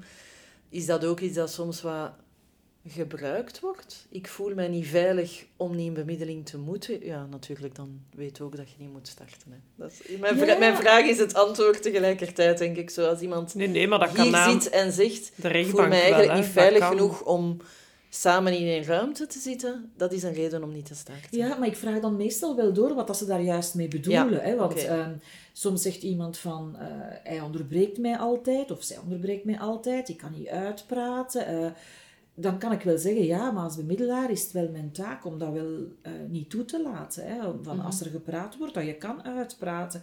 En als dat niet zo is, moet je dat mij zeggen. Dus ik vind ook wel dat wij een veilige context moeten kunnen creëren in bemiddeling. Maar wat er natuurlijk daarbuiten gebeurt, als ze zich daar onveilig Mhm. voelen, daar kunnen wij niks aan doen. Nee. Hè, als men dan zegt van ja, ik word zodra dat ik hier de deur uitzet, eh, krijg ik hier een scheldtiraden over wat ik gezegd heb, of hè, word ik emotioneel of fysisch echt mishandeld, ja, daar kunnen, daar kunnen we niks aan doen. En dan denk ik, dan is dat niet oké. Nee. Mm. En gebeurt dat? Is Ja, dat al... gebeurt. Ik, hoor soms van mijn buren dat er hier op mijn oprit veel meer gebeurt dan dat ik weet. eh, en ik vraag ook heel dikwijls als mensen dan terugkomen, hoe is het geweest achteraf? Nu, je kunt natuurlijk ook alleen maar werken met datgene wat dat ze zeggen. En Ja. eh En als je echt weet het ook niet altijd. het hè. gevoel hebt van oké, dat is geen veilige situatie of context voor het kind, hoe ga je daarmee om en is dat al dikwijls gebeurd? Of, allee? Het is af en toe gebeurd en dan is dat wel iets dat ik met de ouders opneem. Van, ik, denk, ik weet niet of dat bemiddeling iets voor jullie is, omdat ik van die en die en die hoorde dat ze zich niet veilig voelen. Dan overloop ik wel met hen andere trajecten. hè. Eh, van eh, hoe kunnen jullie nu eventueel toch verder op een andere manier, om hen toch ook niet zomaar in de kou te laten staan. Eh, en soms wordt dan is uitzonderlijk wel eens het vertrouwenscentrum geconsulteerd. hè, of zo, Ja. van die zaken. Maar dat is echt uitzonderlijk. Ja. Mhm. Boeiend, hè? Ja, ja, ja, absoluut. Ja. En zo de sessies, de, de, allee, hoeveel sessies dat je ongeveer hebt, Ah, ja, ja, dat, dat- dat varieert ook. Dat varieert, maar ik denk, ehm, het, is niet, het is geen therapie. Hè? Dus het is wel de bedoeling, denk Ja. ik, dat je rond... Dus de meeste mensen zie ik eh, drie à vijf sessies Ja, ja, en dan is het ook. Rond. Zeker die dat preventief al komen, daar is dan ook minder werk aan, om zo te zeggen. Hè. Allee, dat ze zelf dan... Ja, dat kan ik me wel inbeelden. Nu, ik vind wel, ehm, elke scheiding is voor de meeste mensen heftig. Mhm. Ja? Ik zie hier zelden twee mensen die binnenkomen van we willen hier alles fijntjes regelen en die in dat rouwproces even ver zitten. Je hebt heel dikwijls een eerste en een tweede Mm. beslisser, waarbij dat de eerste al veel verder staat en de tweede er nog altijd aan bekomen is. Ehm, dus ik vind dat wel ook een taak als bemiddelaar om dat te benoemen en om daar een evenwicht in te vinden, om ze niet alle twee kwijt te, of een van de twee kwijt te geraken. Hè, eh, en om toch voldoende aandacht te besteden aan die emoties, want het is meestal heel emotioneel. Mhm. Dus dat eerste gesprek is ook heel dikwijls zeer, zeer emotioneel. En dan, ik denk dat dat goed is, dat dat ergens een ruimte krijgt. Want die mensen hebben die gesprekken dikwijls niet meer met elkaar, omdat dat veel te explosief of te hevig is, of zelfs elkaar soms niet meer zien. Dus ik, ik denk dat het goed is dat dat in bemiddeling kan. Maar het is wel nadien de bedoeling om dan rationeler verder te gaan, zal ik maar zeggen. Maar daarvoor moeten die emoties wel ergens een plaats krijgen en ergens ruimte krijgen. En je merkt daarom, denk ik, dat mensen die al bijvoorbeeld in relatietherapie zijn geweest, die komen heel, heel anders binnen in bemiddeling Mhm. dan mensen die dat nooit hebben gedaan en waarbij dat, dat nog heel heftig is enzovoort. Eh, Klopt, ja. Dat vind ik toch wel... Ja, mij dus zo wat denken aan, aan, aan de schipwerking ook. Ja. Hè? Dat zo mensen die een, een traject binnen schip gevolgd hebben, is heel erg dat rouwproces en dat Ja. ontpartneren en die emoties ja, wat kunnen kanaliseren om dan te kunnen reorganiseren. Ik vind als bemiddelaar sowieso eh, een van de belangrijke taken. Dus niet alleen overeenkomsten maken, maar inderdaad, al, vandaar is het echt maatwerk. Al, al, al doe ik dat hier 18 jaar, ik ben oprecht nieuwsgierig naar mijn heel open geest, naar iedereen die hier binnenkomt. Ja. Ik kan nooit denken van, oh, het is weer, het is altijd anders. Anders, ja. Het is altijd anders, hoe dat deze mensen Ja. dat beleven, hoe dat deze kinderen dat beleven. En dat vind ik juist ook zo, zo boeiend aan, aan de job. Het is altijd maatwerk, het is altijd anders. Ja, ik denk, ik, ik herken dat heel erg zo. Elke scheiding die binnenkomt is anders. En toch helpt het ook aan mensen als je een stukje ook kunt teruggeven. Wat dat je nu voelt, past ook wel bij Ja. scheiden en Ja. bij het proces van scheiden. Dus het is altijd anders en toch ook niet. Nee. Hè? En ik denk dat daar ook vaak nog wel wat werk is om aan mensen nog te kunnen... Elke scheiding is heftig, hè? Ja. Hè, Ik wil het u ook ja, graag zeggen. Ik vind dat mensen daar soms tegenwoordig heel snel over gaan. Ja, omdat het zoveel gebeurt, zo gezegd van, ah ja, je bent ook gescheiden. En dat het er wel dat er zoveel meer achter zit. En dan, ja, of Ik denk daar het ver- minder... Het verlies bij een Ja. scheiding eh, Ja. heel vaak onderschat wordt, ook als Ja. ouder. Hè? Eh, Maar ik vind het goed dat je dat zegt, eh, Vanessa, van... ehm, wij noemen dat als techniek normaliseren in bemiddelingen. Hè? Zo van... ehm, zo inderdaad van... eh, mensen voelen zich soms slecht dat ze zo over dat geld bezig zijn. En ja, nee, dan zeg ik ook van... Het is heel normaal als Ja. je... Je hebt de piramide van Maslow. Je moet een dak boven je hoofd hebben. Je moet eten. Ja. Dat is heel normaal. Zelfs al heb je kinderen dat je eerst wil zien, ga ik hier wel rondkomen. Ja. En dat helpt inderdaad mensen wel zo, ja, om daarover bezig te zijn en zich niet slecht te voelen dat dat bij hun meespeelt. Dus dat normaliseren is wel Mm. een techniek die we inderdaad ook gebruiken als bemiddelaar, omdat mensen zich niet slecht zouden voelen bij wat hun overkomt. En te zien van inderdaad, dat, gebeurt, dat, is, dat is heel normaal. In Ja. feite is dat heel normaal. Ja, en ik wou u zeggen, eerste, tweede beslisser. Ik denk de uitleg geven Ja. over hoe dat elk scheidingsproces anders is en hoe dat je in een ander tempo en op een Mm. andere fase zit. Ja. Dat dat ook soms de emoties toch wel een beetje naar beneden kan halen. Ehm, en dat niet is omdat de ene al heel hard aan het reorganiseren is en jij bent nog helemaal overspoeld van het verdriet. eh, dat je tegen aan het werken bent. Hè? Dat je gewoon dat eh, op een andere plaats zit. Dus die uitleg. Ik vind dat fijn dat je dat zegt, dat dat eigenlijk een even grote taak van een Ja. bemiddelaar is. Ja, Eh, dat informeren in feite, Ja. dat, dat plaatsen van, van wat er gebeurt. Ik vind dat een heel belangrijke taak. Dus voor mij is bemiddelen echt niet alleen maar overeenkomsten. Nee, dat is eigenlijk Helemaal niet. het, het project op het einde eigenlijk. Maar er gaat zoveel meer... Ah ja, tuurlijk. Dat is echt... En dat gebeurt soms. Hè. Er zijn hier soms mensen die heel, heel ehm, o- o- ja, hoe moet ik zeggen, zonder emotie rationeel binnenkomen van... eh, ja, we willen gewoon een overeenkomst maken. Vandaar vind ik het ook maatwerk. Je moet echt inspelen op wat deze cliënten nodig hebben. Jonas, de podcast. Dan heb je als bemiddelaar toch wel een aantal vaardigheden nodig, hè Monique? Want Ja. als ik u dat hoor vertellen, dan denk ik, ja. Ja. dan moet je toch een beetje de combinatie hebben van de juridische kennis Ja. en, en hè, wat, is, wat is correct, wat is Ja. juridisch. Maar je moet toch heel veel kennen over communicatie en Ja. over conflicten en over belangen en over... Ja, ik denk dat er veel een, eh, variaties bij de bemiddelaars zelf ook. Hè? Alleen van welke achtergronden en... en zeker om die opleiding al te doen. Ik weet niet wat dat eh, de con, allee, voorwaarden is om bij Thomas More eh, de bemiddeling eh, te starten. Ik denk dat ze een bachelor eh, Op diploma... bachelor. Ja. Ja, en wij doen ook, moet ik eerlijk zeggen, en dat is misschien een drempel, een, drempel, ik doe ook altijd een intake met de mensen. Hè, om, ja, ja, eh. Om te horen vanuit, eh, Ja. ook om, om te polsen naar hun communicatief. Want iemand die heel hoog geschoold is en totaal geen empathie heeft of geen voeling heeft met, uw met cliënten, dat is even... Dat is nog belangrijker bij een, bij manier van spreken. Dus Mm. ja, je verwacht wel inderdaad... eh, ik- ja, ik vind het een belangrijke opleiding. Ja. Ehm, die voor mij in feite nog veel langer zou mogen duren. Ik vind uh, wat de bemiddelingscommissie heeft beslist van het aantal uren nog eens te beperken. Ja, het is, inderdaad. Vind ik in feite een spijtige nu. Ja, marketinggewijs en concurrentieel moeten natuurlijk zien hoe dat je dat als opleidingsinstituut dan aanpakt. Maar van mij zou dat gerust over twee jaar mogen gespreid worden. Hm. Want uh, die, die, die, uh, dat opdoen van die skills, die vaardigheden, dat wordt wel geoefend in, in rollenspelen, hè, met, met in Hm. wat praktijklessen. Maar je merkt ook wel dat dat iets is dat, dat studenten zich moeten eigen Ja. maken. En hoe meer dat je daarop oefent, hoe beter dat je daarin wordt. Klopt, ja. Ehm, en dat heeft soms wel wat tijd nodig. En zeker mensen die dan ook een gezin hebben en nog werken, en die doen er soms maar gewoon bij om vlug dat diploma te halen. Maar zo worden geen goede bemiddelaar. Nee, nee. En vooral, ik hoor ook wel, heel veel hebben dat gedaan, maar velen doen er daar niks meer in de praktijk. Ik heb collega's die zeiden, ik zou dat eigenlijk nog eens opnieuw moeten doen. Ik weet Ja. niet, als ik het zo zou doen, hoe dat ik eraan moet beginnen Ja. nu. Het is een, Omdat- amba- een ambacht, hè. Het is niet iets dat je ja, weet nee, nee, leeftijd. Het is iets dat je moet... Ja. En ik hoorde nu in het begin van ons gesprek ook zeggen, het is een beetje wie dat je zijt, hè. Wie dat je ook als persoon... Ja, dat vind ik wel fijn dat je zegt. Je zijt. basis Ik merk dat bij mezelf ook wel, hè. het, Ja. het werken met scheidingen. Dat, als je dat doet vanuit je hoofd en niet vanuit ik ben hier oprecht geïnteresseerd in wat dat die mensen zo verbrengt, dan, dan geloof ik ook niet dat je daar... Nee. Nee. eh, Nee, mensen voelen dat ook wel, haalt. denk ik. Ja. Nu, je hebt inderdaad een, een punt dat... eh, ja, ik denk... eh, ja, mensen zoeken ook soms wel een bemiddelaar die bij hen past, denk ik. Eh, Ja. Zoals ook een advocaat die bij u past. Eh, maar ik denk dat er... Ja, ik weet niet of dat ze ervan uitgaan, maar ik denk dat er heel wat verschillende soorten bemiddelaars zijn. De, sommigen zien dat inderdaad als een opdracht van de overeenkomst te maken en dat ziet, denk ik. Terwijl ja, de anderen toch wel...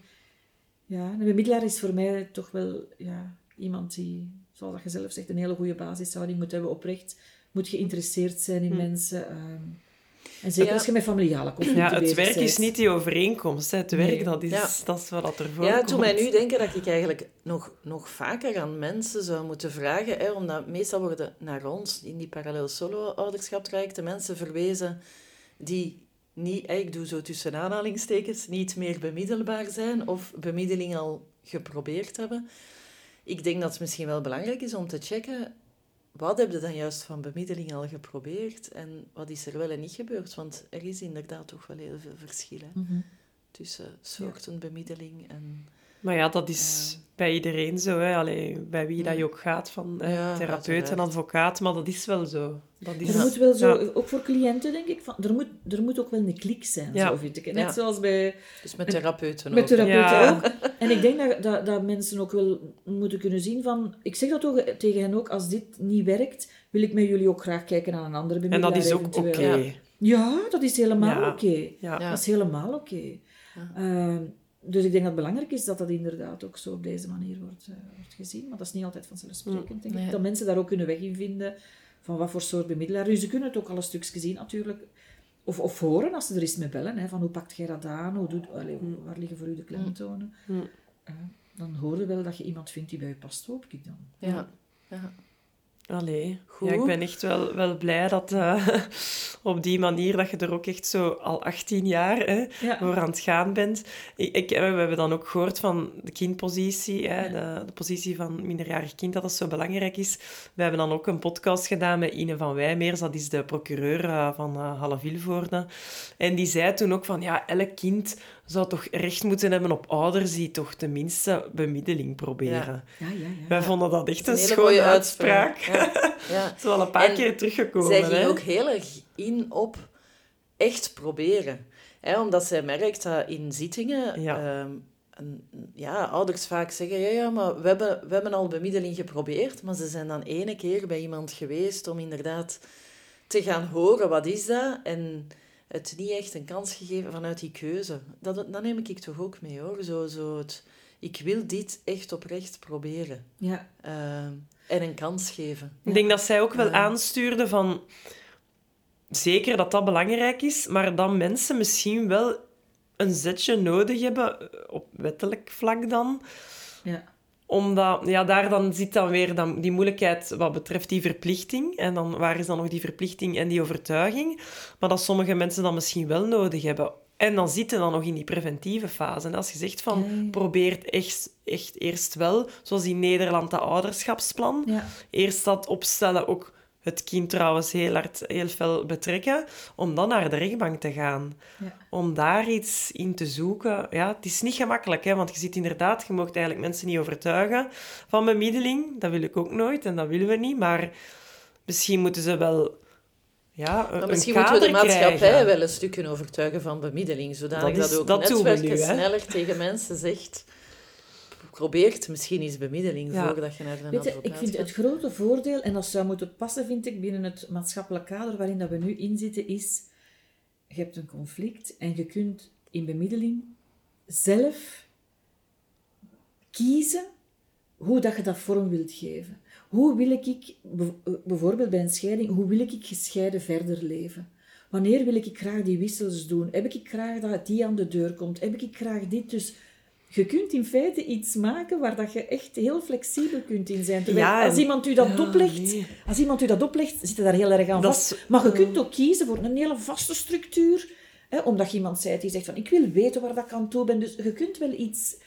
Je kunt Ja, wel- Maar jij, kunt, toch, jij kunt dat heel hard Maar je willen, bent met Maar twee, je bent met twee ja, ja, maar je, kunt dat met twee, maar dat bedoel ik. Je kunt met, de, de bedoeling in bemiddeling is, is dat je in feite met twee iets zoekt waar dat iedereen zich kan in vinden. Dat bedoel Ja. ik ook. Hè. Allee, van, ehm, terwijl als je daar uit handen geeft, krijg je heel dikwijls iets dat ofwel niet op je maat zit, ofwel helemaal niet past bij je eigen leven, want hè, je leven gaat er heel anders uitzien, waardoor dat je met een structuur verder moet. ehm, en wat ik in feite gescheiden ouders wens, en dat probeer ik echt als bemiddelaar voor hen eh, ervoor te zorgen, is dat je echt wel gescheiden geraakt. Ja. Ik denk dat zoveel gescheiden mensen niet gescheiden zijn omdat ze aan de andere blijven hangen door conflicten. dat, dat je in zoveel, zo, zoveel woede en, en kwaadheid en dat daar nog altijd zit, dat ik denk van, hoe wordt uw leven in feite nu verpest door, door de andere? Al die energie erin ja, al de steken. negatieve energie. Ik, ik heb hier mensen gehad, en dat is een vrouw die in feite over alle daken wil schrijven wat dat bemiddeling voor haar betekend heeft. Ze heeft daar ooit in, eh, een artikel in de Knak daar ook over, eh, over eh, een interview gegeven met haar ex-partner. Die hadden zoveel procedures en die, zagen, die waren echt... Die, die, die, waren, die konden elkaar levend vullen bij manier van spreken. En na de bemiddeling brachten die hun kind de eerste keer samen naar school op de eerste schooldag. En als er nu iets is, die bellen elkaar gewoon Krijg van... kippenvel. Ja, en dan zeggen Ja, die mooi. ook... En dan Ja, zeg- vind ik dan, mooi. die zeggen ook zo van... Nu, nu pas heb ik terug een leven. En, en Ja. allee, ons kind is En hoeft het niet meer heel de tijd te nee, gaan via over... advocaten en, Ja. en over ruzies. En, Nee, eigenlijk door conflict is wel goed hoe dat je het zegt.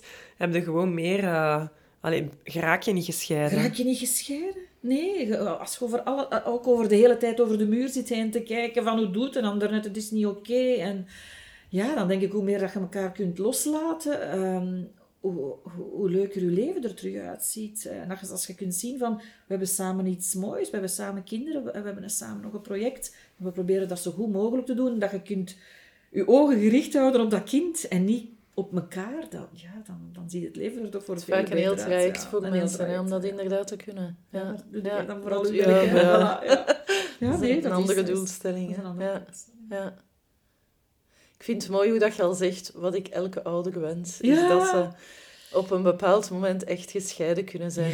Ik merk ook soms dat mensen, eh, zowel in uw eigen omgeving, maar ook eh, cliënten, hè, die dan zo vijf of zes of tien jaar gescheiden zijn en alleen nog praten over wat dat er daar gebeurt, Ja. wat dat er toen gebeurd is, wat dat hij of zij doet en zo weinig zo in dat hier Ja. en nu ruimte krijgen voor hun eigen leven daarin Ja. vorm Mm. te geven. Hè. En dat is, ja, dan denk ik in onze trajecten geven we daar heel veel belang aan, Ja. inderdaad, van hoe kun je terug... Ja, want toekomstige eh, relaties zien daar ook vanaf. Hè, hoe Dat denk ik soms ook. Opnieuw Als ik, eh, samengestelde gezinnen. Dan denk ik, oh, Ja. als je altijd over je ex moet Ja. bezig zijn en over hoe dat die het slecht doet, dat, dat is ook niet oké voor nieuwe relaties. Als je soms als hulpverlener een mailtje krijgt om vier uur s'nachts over hè, de, de, de conclusies of dat moet gebeuren, en dan denk ik, ik altijd, maar nu moet jij naast je nieuwe partner liggen. Ja, dat is... En niet bezig zijn met je ex-partner, Nee. want dat gaat heel hard hypothekeren wat dat er nu nog gaat komen. Want wat dat ook een misvatting is, denk ik, van bemiddeling is dat mensen zo denken dat wij het eh, alles proberen goed te maken. En dat wil ik toch ook wel zeggen, van, eh, ook bij een scheiding, ehm, wij willen niet dat mensen beste vrienden worden, hè, ooit, of, of dat die heel goed met elkaar overweg kunnen. Als dat niet lukt, zoeken wij manieren en regelingen waarbij dat je elkaar zo weinig mogelijk moet zien, maar waarbij het leven wel haalbaar is achteraf. En ik denk dat dat ook wel een belangrijke Ja. is. Soms denken mensen dat wij zo wat verzoeners zijn, maar dat is het ook Nee, niet. nee, hè. dat is nog iets Dat anders. Nee, dat is toch ook iets allee, wat, dat, wat dat wij weten vanuit onze paralleltrajecten en wat ik denk dan in het gesprek met Lieven ook wel heel erg naar voren gaat komen. Een stuk goed samen ouder blijven is goed elkaar kunnen loslaten en misschien naast elkaar ouder zijn. Ja. Maar eh, met het idee dat je wel nog allebei voor die kinderen Ja. eh, een belangrijke Ja. rol speelt. Ik heb zelf een aantal tips die ik eigenlijk gedistilleerd heb uit mijn eigen ervaring en op aanraden van verschillende mensen die toch ehm, vooral veel afweten van ouderverstoting en vechtscheidingen. Ik zou zeggen, ten eerste, blijf altijd contact houden op een positieve manier met je kinderen. Ook al krijg je geen reactie. Dat is heel moeilijk, maar het is normaal dat je geen reactie krijgt. Misschien is er op een bepaald ogenblik wel een kantelpunt. Probeer ook eh, de kinderen bij een psycholoog eh, te laten gaan, eh, zodat zij ook een zekere ondersteuning hebben in deze situatie. Blijf ook altijd correct betalen en communiceren, ook al doet de andere partij het anders.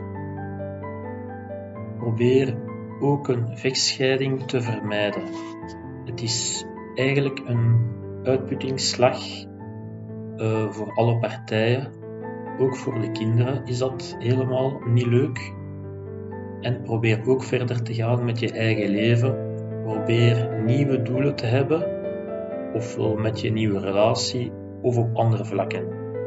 En ten laatste, zorg vooral goed voor jezelf en laat je desnoods bijstaan op emotioneel of psychologisch vlak door experten. Ja, een van de dingen waar ik wel elke keer merk, is zo... Je verwacht veel van mensen hè, in Ja. een traject van bemiddeling. Ja. Hè, als ik u hoor zeggen, zo het, het, eh, het samen in handen nemen, dit samen doen, dit, hè, dat, dat is toch wel een heel pittig, heftig traject. Ik zie toch ook dikwijls mensen die een faalgevoel hebben als dat niet lukt. Hè? Of als, als ze zich heel erg inzetten om op die manier te willen scheiden. Uh, maar dan voelen dat door conflict of door wantrouwen of ze de anderen daar niet meekrijgen.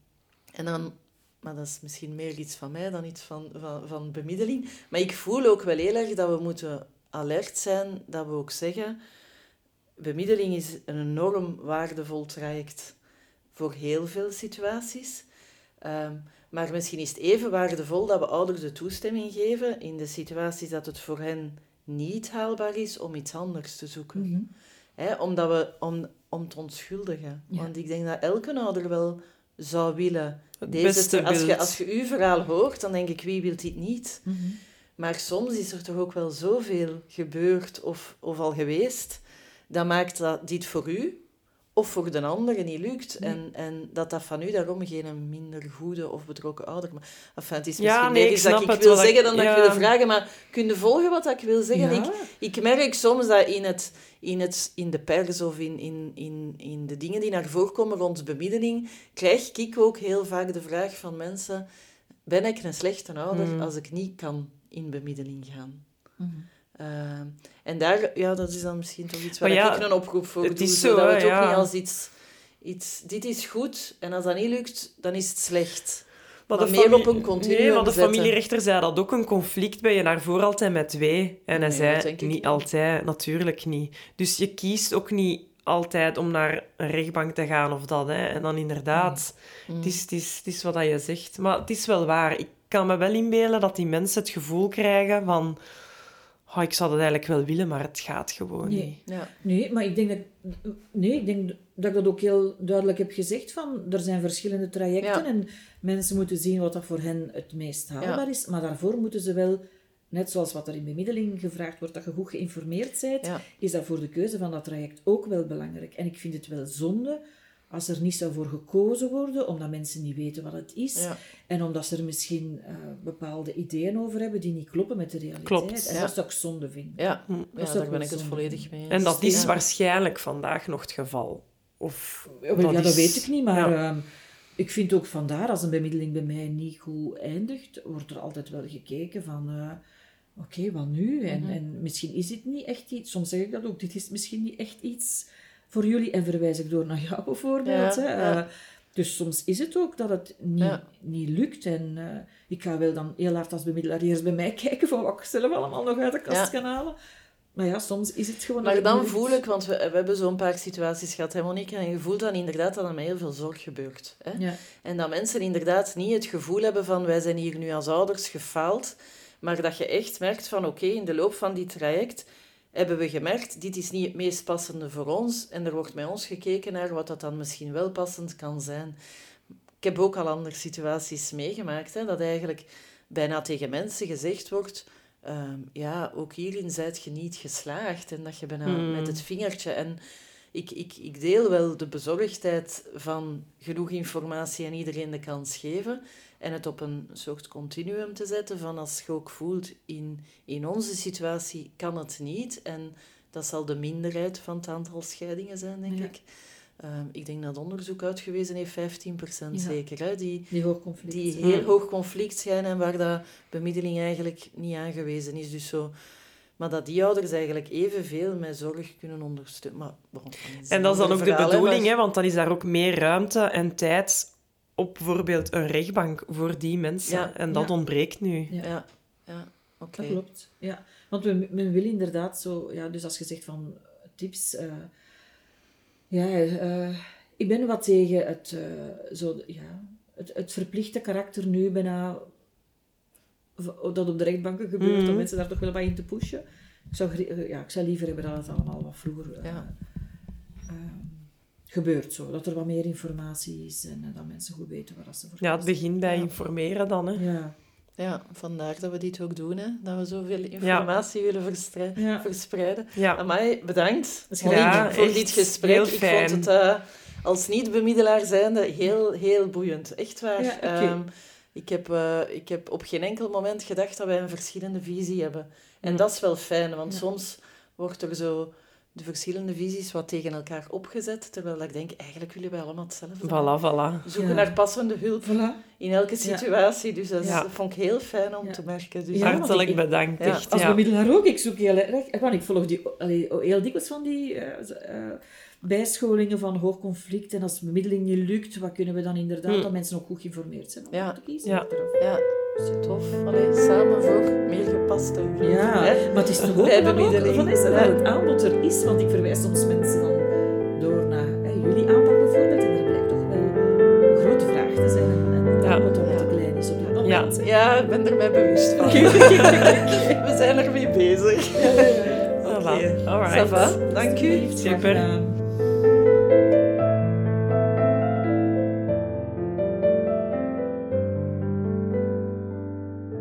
Dit was een aflevering van Jonas, de podcast. Hopelijk hebben jullie er ook iets aan gehad. Zijn er nog vragen of bedenkingen? Laat gerust iets weten. We hebben een Facebookpagina, Jonas. Jongeren en ouders ondersteunen na scheiding. En laat dus maar uw feedback achter. Ja, en is er een expert waarvan dat jij denkt dat we die ook zouden moeten uitnodigen of dat het interessant zou zijn om een gesprek mee te hebben? Geef ons dan zeker ook een seintje via onze Facebookpagina. Klopt. Uiteraard willen we ook nog wat mensen bedanken. In de eerste plaats zijn dat de jongeren en ouders die hun verhaal hebben gedaan en hun ervaringen hebben gedeeld met ons. Het is dankzij jullie eh, dat wij deze podcast konden maken. Daarnaast uiteraard ook de experts zelf, die hebben de tijd genomen en die hebben ons echt wel nog wat meer inzichten gegeven. Ja, als laatste natuurlijk de mensen die ons wat technisch geholpen hebben voor het maken van deze podcast. Dat zijn in eerste instantie TLD Compositions voor de muziek en Jelle Kools voor de verwerkingen van alle opnames achteraf. Alvast bedankt.